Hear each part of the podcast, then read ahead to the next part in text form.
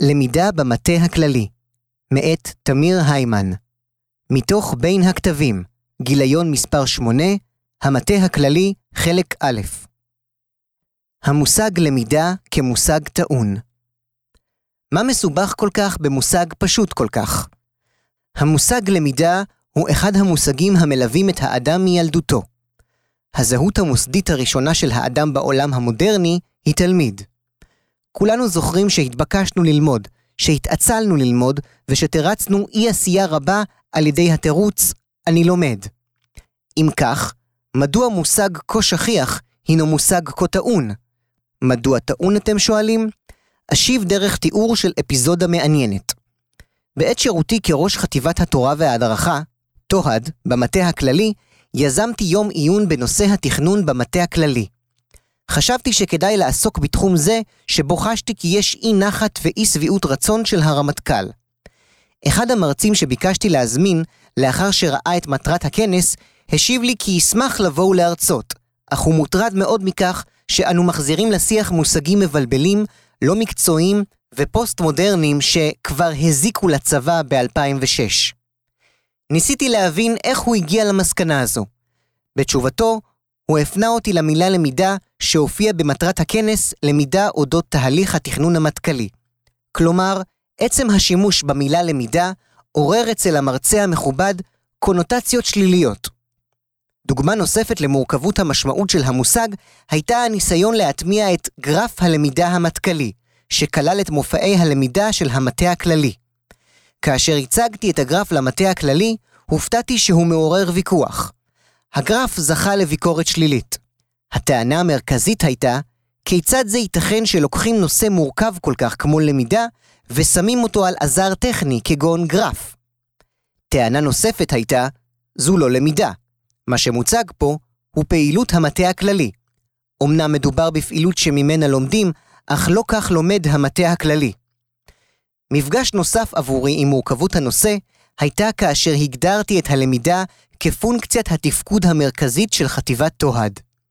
כשנכנסתי לתפקיד ראש חטיבת תוהד, ניסיתי להגדיר טוב יותר את התהליך המרכזי המתקיים בחטיבה, קרי, במה תוהד עוסקת, מה יחשב הצלחה, ומהו כישלון. מה הדבר שמחבר את כלל הגורמים של חטיבת תוהד. מסקנתי הייתה שהתהליך המרכזי בחטיבת תוהד הוא הלמידה במפקדות הראשיות. לצורך כך, נדרשתי להגדיר את המושג למידה. לאחר עיון במספר הגדרות, מצאתי את ההגדרה של הגישה הביהביוריסטית כגישה המתאימה ביותר לצבא. שינוי שיטתי ביכולת הביצוע המתרחש בעקבות רכישת ידע חדש. הגדרה זו מצאה חן בעיניי בשל ההיבט המעשי שלה, שינוי ההתנהגות, וכן בשל ההבנה ששינוי נגרם כתוצאה מרכישת ידע, קרי, מתוך העמקה ומחקר. להפתעתי, מצאתי התנגדות רבה להגדרה. חלק התנגדו מן הטעם שההעמדה של שינוי בהתנהגות במרכז הוא נחות יחסית לשינוי באופן תפיסת המציאות. אחרים התנגדו כיוון שטענו כי מדובר בלמידה של היבטים פיזיקליים טכניים ולא מהותיים. במאמר זה אדון במושג הלמידה. אציג סקירה קצרה על התפתחותו בצה"ל, ואציג דוגמה אישית של תהליך למידה ומסקנותיי ממנו. אחזור לשאלת הפתיחה. מדוע מושג כה פשוט הוא כה מורכב להגדרה ולהתייחסות? אני מבקש להציע שתי גישות לפתרון. הראשונה היא גישה אפיסטמולוגית כללית, והשנייה היא גישה מקומית יותר, הקשורה להתפתחות המושג בתוך הצבא בעשורים האחרונים. על הגישה הראשונה לא ארחיב, ואומר רק זאת. ישנם מושגים בסיסיים בהתנהגות האנושית הזוכים לפרשנויות רבות, כמו המושג אהבה, אסטרטגיה, כעס, חשיבה וכדומה. מושגים אלו, המפרשים את ההתנהגות של האדם, זכו למשמעויות שונות לאורך השנים ובמגוון השפות השונות. ככל שמחקר המושגים והמילים מתפתח, הידע האנושי בתחום הולך ומשתכלל. כך גם קרה עם המושג למידה. לשם ההמחשה, דמיינו מוסד חינוכי אקדמי העוסק בהכשרת מורים. בכל שנה יעברו מאות סטודנטים שהתבקשו לפרש את המושג למידה. הם יחקרו שיטות לימוד וינסו להבין כיצד פועל המוח האנושי. מוסד זה יתרום שפע של הגדרות, גישות חדשניות ביקורתיות על הקיים ועוד.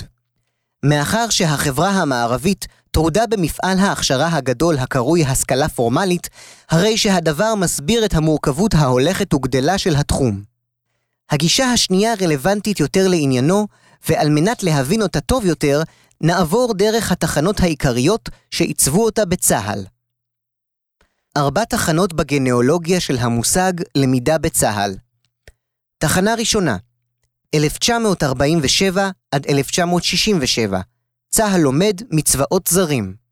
בשנת 1948, עם הקמתו של המטה הכללי של צה"ל, הוקמה מה"ד, מחלקת ההדרכה של צה"ל, ולימים אה"ד, אגף ההדרכה, שייעודה היה להכשיר את המתגייסים לצה"ל למקצועות הצבאיים. האתגרים הגדולים היו קליטת עלייה תוך כדי לחימה, וגידול מהיר של הצבא תוך כדי מלחמת העצמאות. שני האתגרים חייבו את קיומה של מערכת הדרכה מוסדית המקנה מיומנות בסיסית הנדרשת ללחימה. עיקר ההכשרה היה ברמת הפעלת הנשק האישי והשתלבות במסגרת הכיתה והמחלקה. ההכשרה לפיקוד הייתה מועטה ביותר, והיא התבססה בעיקר על קורס מפקדי המחלקות, מ"מים, של הפלמ"ח. השינוי הגדול התחיל עם הסמינר השלישי של בן גוריון בשנת 1953. דוד בן גוריון לקח פסק זמן מהחיים הפוליטיים בכדי ללמוד לעומקם את ענייני הביטחון של מדינת ישראל. בן גוריון ראיין מומחים, ביקר בגופים שונים וקרא דוחות. במהלך מעורר השראה של למידה אישית ותוך הערכה עצומה שחש כלפי יוצאי הבריגדה, עיצב בן גוריון את תפיסת הביטחון של מדינת ישראל.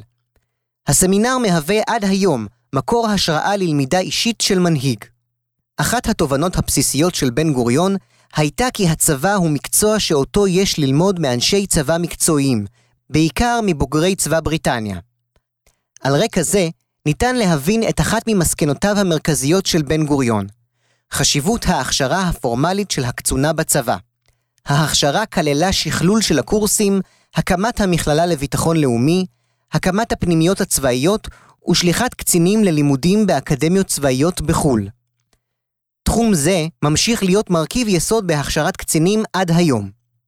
לאורך השנים עברה הכשרת הקצינים טלטלות, ביניהן הפיכת חלק מן התכנים לכאלה המוכרים כתכנים אקדמיים, הקמת מסלולי הכשרה חדשים ועוד.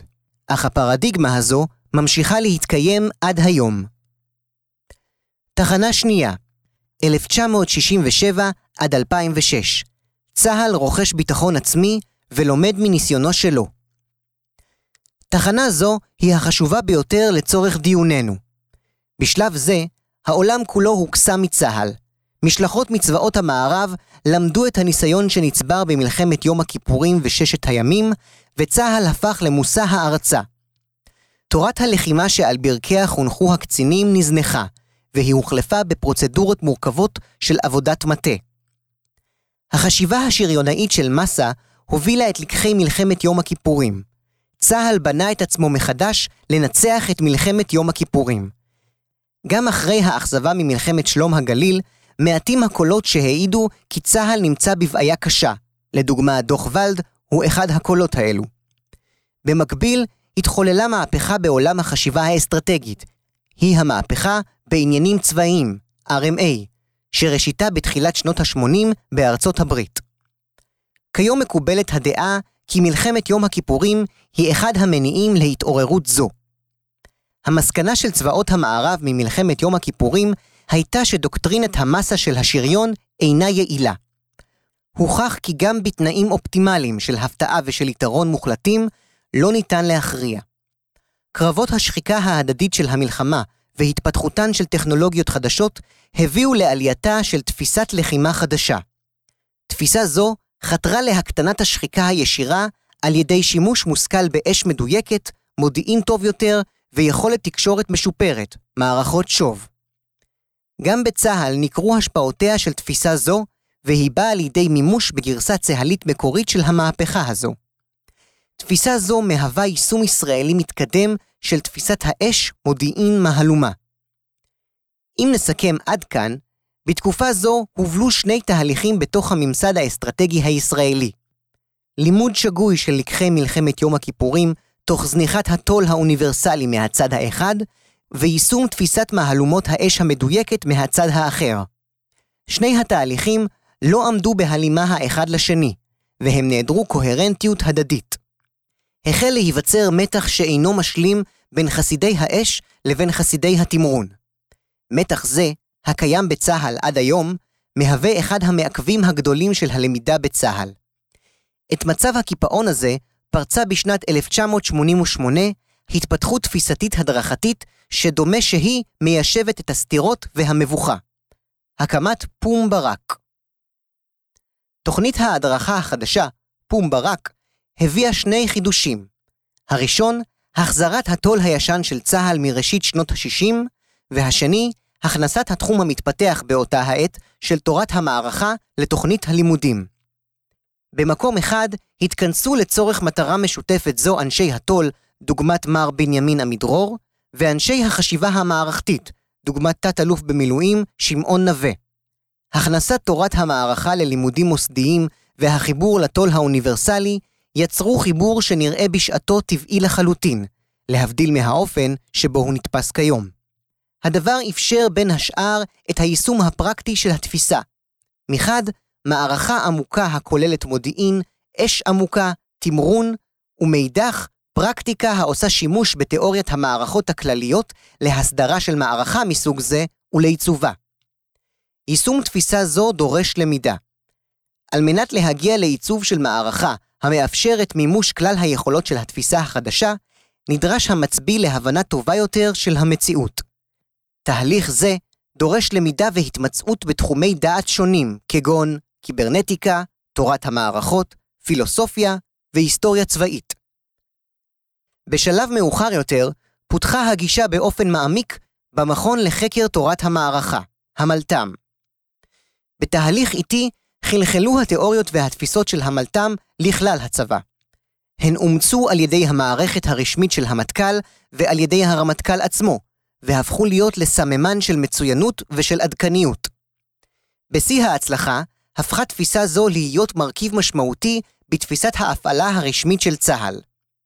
האנשים שידעו לדבר את השפה הנכונה נתפסו כמקצועיים יותר. ברם, חלק מהדוברים וחלק מהרעיונות של גישת המחקר והלמידה במכון זכו לפרשנויות שטחיות ולשימוש לא מקצועי. הזכור ביותר הוא נושא ההמשגה והמושגים. מושגים מומצאים עמוסי דמיון והשראה הומצאו על ידי מפקדים באופן נרחב. הסיבה לכך נעוצה ברעיון נכון, שלפיו הבנת המציאות נעשית באמצעות מילים, מושגים מפרשים, וכאשר מעמיקים את ההבנות על מציאות חדשה, נדרש להמשיג אותה באופן צורני חדש, מושגים חדשים. כמובן שעצם המצאת מושג חדש אינה למידה, ולעיתים התופעה התבטאה בתמלול מתוחכם ושטחי שהיווה מצג שווא של הבנה חדשה. מאחר שלפי תפיסה זו, הדבר החשוב ביותר הוא הבנת המציאות והעמדה של תיאוריה מסדרת למערכה, תהליך זה היה אמור לשנות את המציאות. התהליך כולו תואר במושגים שונים המכילים את המילה למידה, מערכת למידה, הבניית למידה, ארגון לומד ולמידה מתמשכת. ממש בשיא תפארתה ותפוצתה של תפיסה זו ושל המושג למידה שנלווה אליה, היא התנפצה בבת אחת עם מלחמת לבנון השנייה. תחנה שלישית, 2006 עד 2012. המשבר הגדול ועיבוד הביטחון העצמי. מלחמת לבנון השנייה הסתיימה בתחושת משבר בצבא. ההישגים בשדה הקרב לא היו מספקים. צה"ל, שרק שנה קודם הצליח להביס את הטרור, לא הצליח לעמוד במשימות שהוגדרו לו. אחד המפקדים הבולטים במלחמה, חסיד נלהב של הגישה המערכתית, אדם בעל דמיון מפותח וחוש ספרותי עשיר, הרבה להמציא מושגים בכדי לתאר את המציאות ואת ההישג הנדרש. מושגים אלו צוטטו בהרחבה אחרי המלחמה כדוגמה לאובדן הדרך המקצועית של הצבא. לאחר המלחמה, הרמטכ"ל הנכנס, רב-אלוף אשכנזי, החל בתהליך הבראה של הצבא. התהליך כלל חזרה לבסיס, ביטול תפיסת ההפעלה, סגירת כל אזכור לנושא אומנות המערכה בצה"ל, והקפדה יתרה על שימוש במושגים הלקוחים מהעולם הטקטי של תורת הקרב. תהליך הבראה זה, שהיה מוצדק והכרחי לשעתו, החזיר את האמון בצה"ל ויצר יציבות ובהירות בין דרגי הפיקוד השונים, אך גם גרם לנזק אגבי. ההכרח לחזור לשיח של הדרג הטקטי צמצם והגביל את הלמידה של קהילת המפקדים בדרג האסטרטגי-מטכ"לי ללמידה טכנית מאוד של הרמה האופרטיבית. זו נמנעה משימוש בתהליכי למידה שעלולים להעלות ניחוח מערכתי, כגון הכורח בהבנת המציאות לצורך גיבוש האסטרטגיה הנכונה, החשיבות של הגדרת מערכת לצורך מימוש רעיון למערכה, הצורך בתהליך מובנה של חשיבה ביקורתית, עיצוב כתהליך דיאלקטי של הבנה, הקשיה, במובן להקשות, לייצר פרובלמטיזציה. סיעור התהליך, הבניה וארגונו, כל אלו נדחקו מהשיח המקצועי הצבאי. כך קרה שמושג תמים ואפוף ניחוחות של ילדות הפך למושג טעון המהול בניחוחות של פוסט-מודרניזם. מושג המתייחס למתחים הגדולים בחשיבה הצבאית של הדרג המערכתי האסטרטגי. מתח בין הצורך בפשטות לבין המורכבות של המציאות האסטרטגית. מתח בין שפה פשוטה לבין ההכרח לתאר מציאות ייחודית והקשר ייחודי. מתח בין סיעור מוחות וחשיבה ביקורתית לבין סדר ארגון ומשמעת של התהליכים. המושג הפך למבחין בין שתי אוכלוסיות קצינים, השמרנים והמהפכנים. הפרדה זו, שאינה הכרחית, עלולה להביא להיעדר הרחבת הידע הצבאי, המחקר והסקרנות. תחנה רביעית, 2012 ואילך. התחנה שבה אנו מצויים כעת, שהיא הניסיון להחזיר את העקרונות התאורטיים של תורת המערכה באופן מפוקח, מבוקר יותר ומעשי. מאחר שאנו נמצאים בעיצומו של התהליך, ההיסטוריה תשפוט את טיב המהלך ואת השפעותיו. תפיסת האש החדשה אנטומיה של תהליך למידה תהליך הגיבוש של תפיסת האש החדשה היה תהליך של למידה ותכנון אסטרטגי הנוגע לבניין הכוח של עולם האש המערכתית והאסטרטגית של צה"ל. התהליך בוצע בהובלת חטיבת תוהד בין השנים 2013 עד סוף 2015. אקדים ואומר שהצגת הנושא כתהליך למידה היא בדיעבד ובראייה לאחור. לתהליך היו שני שלבים. הראשון, טרום מערכת צוק איתן בקיץ 2014, שלב של ניסיון לבצע עבודת מטה רב-זרועית בהובלת אגף המבצעים, להבדיל מעבודת מטה לבניין כוח זרועי. השני, לאחר מערכת צוק איתן, תהליך למידה אחר, תכליתי ומשמעותי יותר. בטרם נעמיק בתהליך לסיפור עצמו, ראוי שנגדיר שני מושגים שבהם נעשה שימוש. אסטרטגיה ותכנון אסטרטגי. מושגים חשובים כאשר דנים במטה הכללי. המטכ"ל, על פי הגדרתו, הוא מפקדה אסטרטגית, והוא עוסק רבות בתכנון.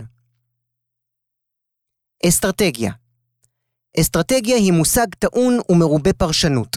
באופן כללי, ניתן להגדירה כהתאמה מתמשכת של אמצעים למטרות ארוכות טווח. המורכבות של הסביבה האסטרטגית היא העובדה שנדרש להגדיר את המטרה. היא לא מתקבלת מהרמה הממונה באופן טכני ופשוט. לכן נדרש תהליך של הבנה ביקורתית של המציאות מתוך ההקשר.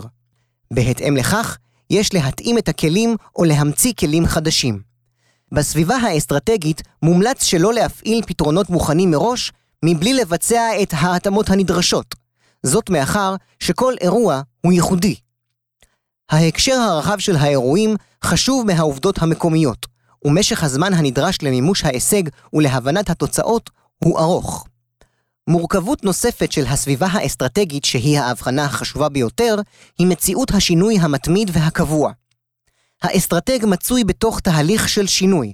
בכל רגע נתון הוא מקבל החלטות על בסיס עובדות ופרשנויותיהן, שמקורן למעשה בעבר, בין אם עבר רחוק ובין אם עבר קרוב. המצביא מצוי במצב של פער קבוע בין המציאות לבין תפיסת המציאות כפי שהיא נתפסת בחושיו. הבנת הפער הזה ותפקוד יעיל בתוכו הוא אסטרטגיה. תכנון אסטרטגי, המכונה כיום בתוהד עיצוב. המטה הכללי הוא המפקדה האסטרטגית. ככזו, המפקדה אמורה לעסוק בתכנון אסטרטגי. תכנון זה שונה מתהליך התכנון הטכני המאפיין את הרמה הטקטית. השונות והמורכבות נובעות מהמאפיינים של הרמה האסטרטגית, שהם 1. מורכבות. המערכות בסביבה האסטרטגית הינן מערכות מורכבות נעדרות גבולות. הזיקות וההקשרים קשים להבחנה מהירה דרך חושי המצביא, ועל מנת להבין את המורכבות, נדרשת השקעה מודעת של חשיבה ותהליכים מנטליים המאפשרים זאת. בתנאי כמובן שקיימת יכולת אישית בסיסית לחשיבה מופשטת. 2. שיהוי זמן. החלטות בסביבה האסטרטגית מגיעות לכדי השפעה על מציאות לאחר זמן רב, וההכרה בהשתנות המציאות גם היא אורכת זמן. מנגד ובאותה עת, החיוויים של הסביבה הטקטית הינם מיידיים ומגיעים במהירות לידיעת מקבל ההחלטות. תופעה זו של שיהוי ההבנה של ההתהוות האסטרטגית החשובה, לעומת זמינות הנתונים הטקטיים, עלולים להביא לכך שהדיון יהפוך להיות דיון טקטי בדברים הדחופים שהגיעו למפקדה, ולא בדברים החשובים. 3. הקשר ייחודי מאחר שהסביבה האסטרטגית מורכבת, ומאחר שהיא רחבת ממדים, וגם בשל ההיבט של שיהוי, קשה להבחין בתבניות בסביבה זו. בסביבה הטקטית, חלק גדול מהחוכמה הוא להנחיל תבניות ידועות מראש על ההתהוות הטקטית. בסביבה האסטרטגית, ניסיון לעשות שימוש בתבניות אלו יקשה על המתכנן ויכשילו. לפיכך, עדיף להניח כי כל אירוע הוא סינגולרי, גם אם מבחינה היסטורית פילוסופית אין הדבר נכון אמפירית. התכנון האסטרטגי הוא תהליך שמביא למימוש רעיון אסטרטגי באמצעות פרקטיקה של ביצוע. את הרעיון האסטרטגי אנו מפיקים בתהליך שאינו מוסדר פרוצדורלית, אך את עיבודו אנו מבצעים דרך פרקטיקה טכנית, פרוצדורה. ככל שהסביבה עתירת משתנים שאינם ניתנים לתפיסה מלאה על ידי אדם אחד, המפקד נזקק למנגנון, מטה מיוחד. המטה מסייע למפקד להבין את המציאות. ואולם, התהליך של שיקוף המציאות בסביבה האסטרטגית אינו תהליך של גיבוש תמונת מצב רגילה, כמו שמתבצע בסביבה הטקטית. ביצוע הערכת מצב, לכאורה טקטית, בסביבה האסטרטגית, מעמיד את המצביא במבחן שאינו הוגן. הוא נדרש לקבל החלטה אסטרטגית בכלים של טקטיקה. במקרה כזה, צפויה להתרחש תופעה של נטישת המפקד את המטה. המצביא נוטש את המטה כיוון שהוא מגיע למסקנה כי המטה אינו מסייע לו. הוא חוזר לסמוך רק על עצמו, אינטואיציה, ולעיתים יתייעץ עם קבוצת קצינים שעליה הוא סומך, לאו דווקא קציני מטה. תופעת נטישת המפקד את המטה מורגשת בעיקר בדרגי העבודה של המטה הכללי, אלופי המשנה. תחושתם היא כי הרמטכ"ל אינו צריך אותם. הם עובדים קשה לאבד נתונים לתמונת מצב, והרמטכ"ל לא מתעניין בכך ומקיים תהליך אישי ללא קשר עליהם. שיא התסכול נסוב סביב דיון הקרוי פורום חשיבה רמטכ"ל. שם תופעה זו חוזרת על עצמה באופן שגרתי למדי. הסיבה לתופעה היא העתקת הפרוצדורה של הערכת המצב מהסביבה הטקטית ויישומה ללא התאמות מספיקות לסביבה האסטרטגית. רק לאחרונה, על רקע פיתוח הידע בקורס תא"לים, אנו מבינים את חשיבות תהליך העיצוב המקדים לתכנון. אנו צריכים תהליך של שיח, מחשב, ויכוח, הכנסת רעיונות ופסילתם, הכנסת חומרי ייחוס מעולם תוכן אחר לדיון, ושימוש במספר רב של שיטות מחקר לצורך בחינת רעיונות חדשים. והחשוב ביותר, תהליך של התבוננות חיצונית והבנה של התהליך שאנו מקיימים. מעין מודעות לחשיבה שאנו מבצעים, חשיבה על חשיבה. התפיסה החדשה, רק נסדר כמה דברים. העיסוק בתפיסת האש המטכ"לית החל ביוזמת אלוף יואב הר אבן, ראש אמ"ץ דאז. הר אבן הבין שמאז גיבוש התפיסה הקודמת, השתנתה המציאות, ונדרש לכתוב מחדש את התפיסה. התפיסה שגובשה במהלך שנות ה-80 וסוכמה לקראת שנת 1994, אכן הביאה למהפכה בתחום הפעלת האש. כזכור, התפיסה הכווינה בניין כוח במספר רכיבים שהיוו מהפכות טכנולוגיות בשעתן, בהן מערכות שליטה ובקרה מבוססות מחשב ומערכות איסוף מתקדם. ההקשר שבו עוצבה התפיסה והאתגר שלפתרונו היא כוונה, היה אתגר בלימת צבאות ערב הסדירים, מרובי פלטפורמות כבדות. ככזו, איבדה התפיסה מהרלוונטיות עקב התפרקות צבאות במעגל העימות הראשון. בנוסף, התפתחו יכולות איסוף מתקדמות מבוססות יכולת עיבוד אותות ממוחשבת. גם מערכות הנשק התקדמו מאוד, והקפיצה הגדולה ביותר הייתה בתחום מערכות השליטה והבקרה. הצורך היה ברור, ולאחר הפעלת האש במבצע עמוד ענן, התבהר כי בפועל אנו מפעילים תפיסת אש אחרת וחדשה. את התפיסה החדשה שהתבררה מהתבוננות במציאות, אפשר היה לסכם בשינויים הבאים. המטרות שנתקפו היו הרבה יותר מורכבות לתקיפה מהמטרות של התפיסה הקודמת. רוב המודיעין הגיע מהרמה המטכ"לית, ולא על בסיס איסוף בדרגי השדה כפי שתוכנן בתפיסה הקודמת, ורוב התקיפות בוצעו על ידי חיל האוויר, להבדיל מהתבססות על תקיפות מדויקות של חימוש מדויק אורגני בדרגים המתמרנים. לסיכום, היה ברור לנו שאנו מפעילים תפיסה חדשה שאינה כתובה וממוסדת. כפועל יוצא, גם בניין הכוח שלנו נעדר תפיסה מסדרת מעודכנת. אמנם התפתחו לא מעט תפיסות זרועיות חדשות יחסית. אגף המודיעין פיתח את תפיסת הלוחמה מבוססת המודיעין, לוחמם. חיל האוויר פיתח תפיסה שעיקרה הגדלה ניכרת של הספקי התקיפה האוויריים. אגף התקשוב פיתח תפיסה לגבי מרחב דיגיטלי צה"לי משותף, צה"ל רשתי, ועוד. אך כאמור, כל התפיסות פותחו בהובלת זרוע אחת או בתוך הזרוע. הדיון הראשון שביצעתי בנושא היה מפתיע. היקף הפערים שהתגלו כבר בדיון הראשון היה גדול. אם נסכם את הפערים שהתגלו, ניתן לספגם לשלושה פערים מרכזיים. 1. פערים טכניים טכנולוגיים. בתהליך פותחו טכנולוגיות רבות לאיסוף, לתקיפה ולשליטה ובקרה. המערכות פותחו על ידי זרועות האוויר והמודיעין ללא שיתוף זרוע היבשה, וללא חיבור אחיד שתואם עם אגף התקשוב. נוצר מצב מורכב בו לצורך העברת המידע מאיסוף לתקיפה נדרשו עשרות תחנות של חיבור בין מערכות מחשב. כל חיבור היה אלתור, ובמקרים רבים המטרה לא הגיעה מהצד האחד לצד השני. כמו כן, הבעיה הייתה שלא ניתן היה לשלוט במטרות שנפלו בדרך. 2. פערי תהליך מבצעי. התגלה כי מפקדות הפעלת הכוח פיתחו שפה עצמאית פנימית שאינה משותפת לכולם. התגלה חוסר אמון בין המפקדות, כך שכל מפקדה ייצרה תהליך פנימי שלה לתכנון מטרות, ובמעבר בין מפקדות, כל מפקדה היא מתרגמת את המידע שהיא מקבלת לשפה המתאימה לה ולסטנדרט המקצועי המתאים לה. 3. פער מקצועיות בתכנון האש. נחשף היעדר מימוש נוהל הקרב בתהליך האש הפשוט והמוכר, הגדרת משימות תקיפה לאור הרעיון התחבולני של המפקד, תרגום המשימות לידי תקיפה ותכנון האיסוף למטרות בהתאם. להבדיל, נמצא כי במקביל לרעיון המבצעי או המטכ"לי ברמת המטה הכללי, שיקולי המשכיות ויעילות מאמץ האש היו גורם משמעותי בתהליך. רגע חושבים, אולי זה יותר עמוק מארגון וסידור.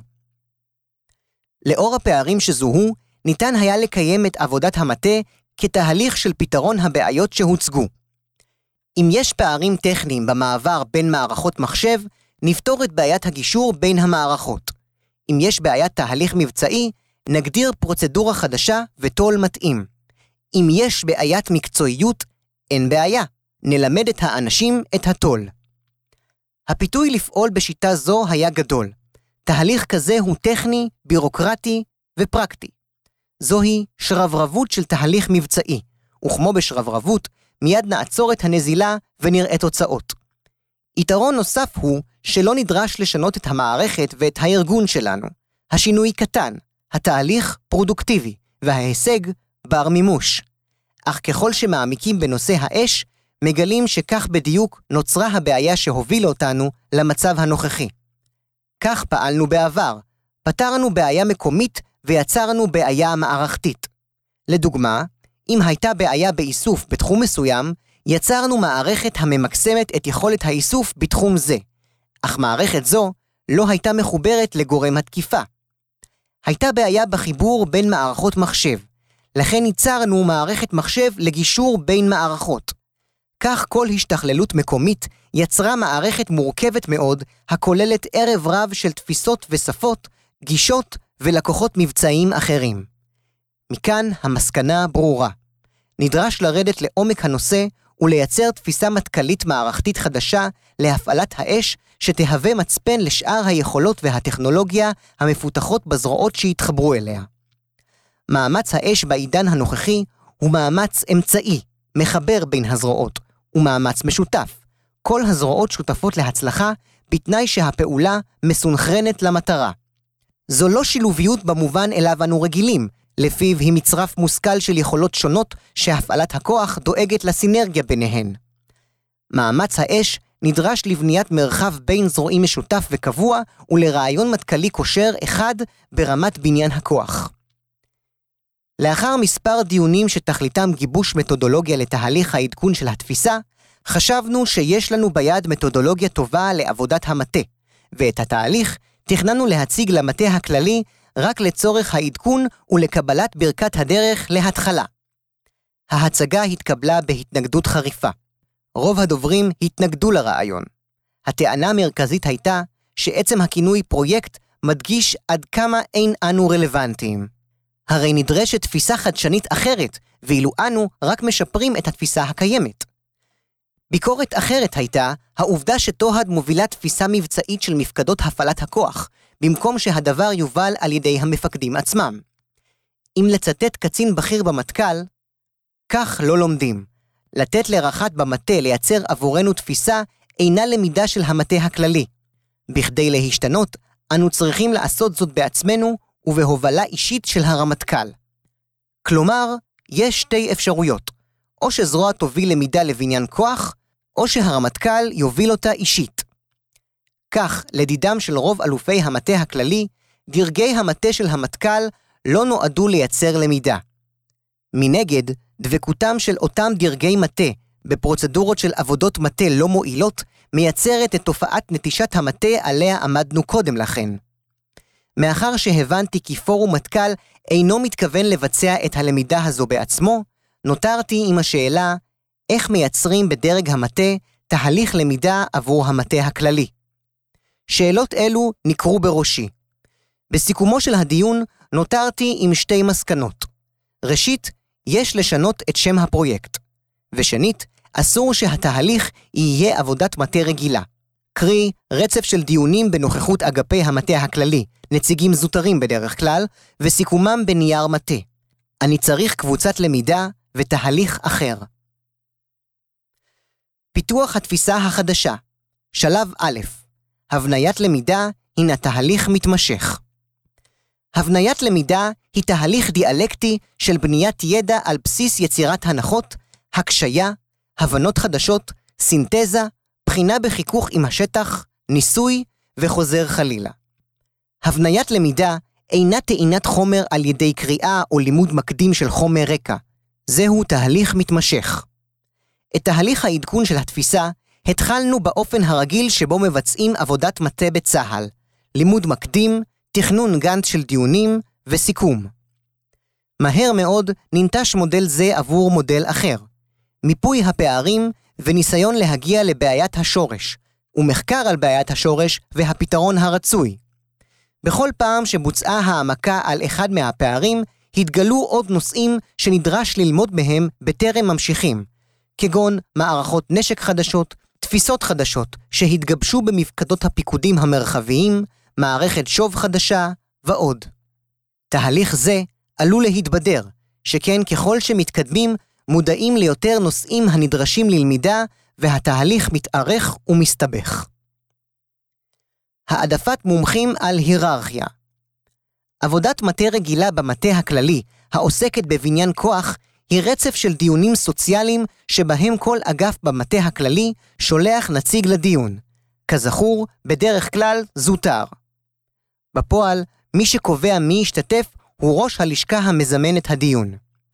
החל מיום ד', לוחות זמנים בצה"ל מסוכמים סופית בערב יום ה' לשבוע העוקב, מתחיל משא ומתן בין הלשכות השונות של התא"לים מי יגיע לדיון.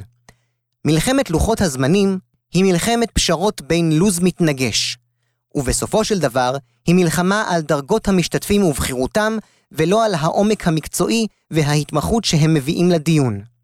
בסוף הפשרות, מגיעה קבוצה של נציגים שברוב המקרים אינה תורמת לדיון, אך מחייבת את הגוף שהשתתף לתוצאות הדיון, הרי הוא היה שותף. באמת באמת, כך לא מקיימים תהליך למידה. אין מומחים, אין חקירה, אלא יש נציגויות, כמות על חשבון איכות. אנו החלטנו ללכת על כיוון אחר, קבוצת מומחים קטנה וקבועה עם נציגים משתנים לאור הצורך והעניין. קבוצת המומחים כללה מספר קטן של אנשים, דרגתם אינה חשובה, רק מומחיותם. היו בקבוצה טכנולוג, היסטוריון, מנתח מערכות ואנשי אוויר, תקשוב ואש. חלוקה לצוותי משנה צוות אחד או צוותי משנה נושאיים. אחת הפרקטיקות האפקטיביות ביותר בעבודת מטה במטה הכללי היא חלוקה לצוותי משנה של צוות ראשי. כל צוות קיבל חלק מהמשימה. גם במקרה שלנו, ביצענו חלוקה כזו לשלושה צוותים בהתאם לסוג המטרות לתקיפה. צוות שעסק במטרות חדשות, צוות שעסק במטרות מתוכננות מראש, וצוות שעסק במטרות הנדרשות לסייע לכוח המתמרן. סוג זה של פרקטיקה הוא אפקטיבי, שכן הוא מביא חומר כתוב רב ובמהירות. עם זאת, חסרונו הגדול הוא בהיעדר החיבור לרצף השלם של העבודה ולרעיון מרכזי אחד. בשלב הראשון של הלמידה בפיתוח התפיסה החדשה, נהגנו כך, וזו גם התוצאה שקיבלנו. שלוש עבודות שונות עם מסקנות פרקטיות רבות שאינן מחוברות לרעיון חדש שלם. סיכום ביניים עד צוק איתן, התקיימה הלמידה באופן מפוזר מאוד, רעיונות רבים, הרבה פתרונות קטנים ושלושה קבצי המלצות שאינם מחוברים לרעיון אחד, והרבה כמות עם מעט איכות, על אף ההבנה שזו בעצם הבעיה, כמות ולא איכות. ההבנה הזו הפכה לתודעה רק לאחר צוק איתן.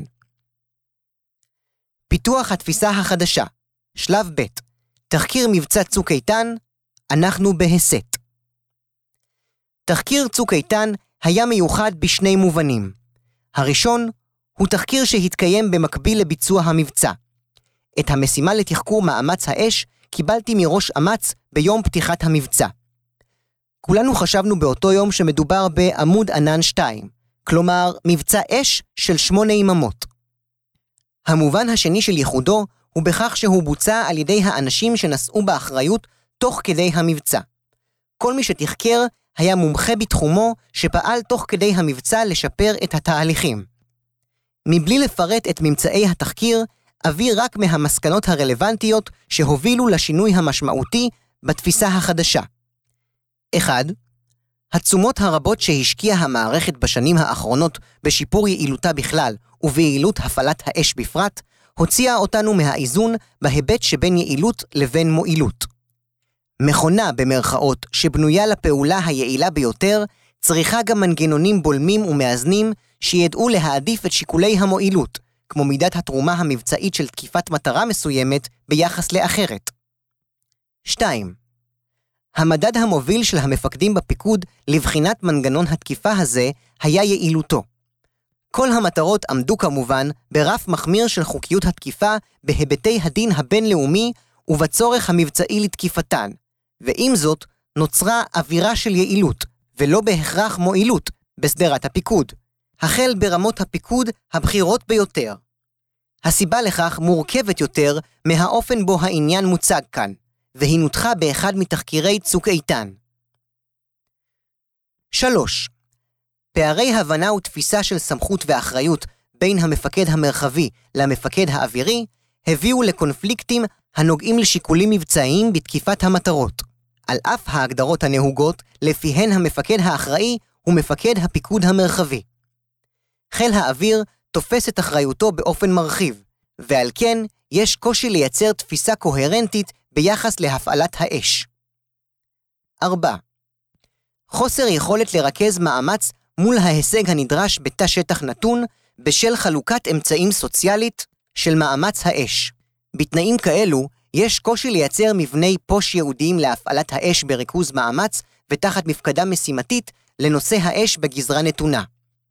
העדפה לחלוקה שוויונית יעילה פעמים רבות, אך גורמי התקיפה השונים אינם מסונכרנים באותו מרחב פעולה. פיתוח התפיסה החדשה, שלב ג' שינוי הגישה. איכות במרכז. אמרנו איכות גם קודם, אבל פה היה צריך שינוי שיחייב את האיכות בתוך התהליך המכני. משמע, הכוונת בניין כוח אחרת.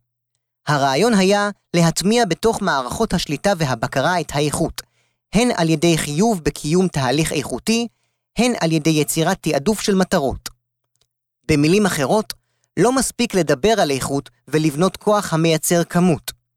הטמעת איכות בבסיס בניין הכוח באש תביא לכך שהכמות לא תדרוס את האיכות. מספר דוגמאות להמחשה. הבניית מנגנון קריאת מידע בתוך מערכת השוב הממוחשבת, שיאפשר למפקד לקבל תמונה של איכות המטרות הנתקפות ולא רק כמותן. הגדרת חשיבות לימוד תמונת מצב האויב לעומקה, ולא רק תמונת המטרות. יצירת מערכת שתאפשר משוב לאפקטיביות הפעולה. שינוי במערכת השוב המרכזית, שיחייב תהליך ניתוח נכון של הרעיון המבצעי לתוכנית אש מועילה. המערכת מחייבת תהליך מקצועי, תחבולה, משימת תקיפה, יעדים, מטרות לתקיפה. המרחביות כגישה ראשית הגיאוגרפיה מסדרת את מרחב הלחימה גם בהקשר האש. על מנת למצות טוב יותר את האמצעים, אנו חייבים לחשוב על כלל גורמי האש והאיסוף כגורמים מרחביים שהפעלתם נתונה ואפשרית על ידי כלל המפקדים המצויים בשטח בתלות לעניין שלהם. באופן זה נאפשר ריכוזי מאמץ וגמישות וכן הקצאת משאבים יעילה. לצד גישה זו קיימת הגישה הנושאית. בין שתי הגישות מתקיים מתח ניגודי משלים, אך כאשר אנו רוצים להכווין את בניין הכוח, צריך לקבל החלטה. מהי הגישה המובילה? המסקנה מצוק איתן הייתה שצריך לשנות תפיסה. בעבר, תחת הרעיון של הפעלת האש, נהגנו להקצות אמצעי אש אורגניים למפקדים, ואלה התרגלו לראות באמצעי האש שתחת פיקודם חלק מהארגון לקרב.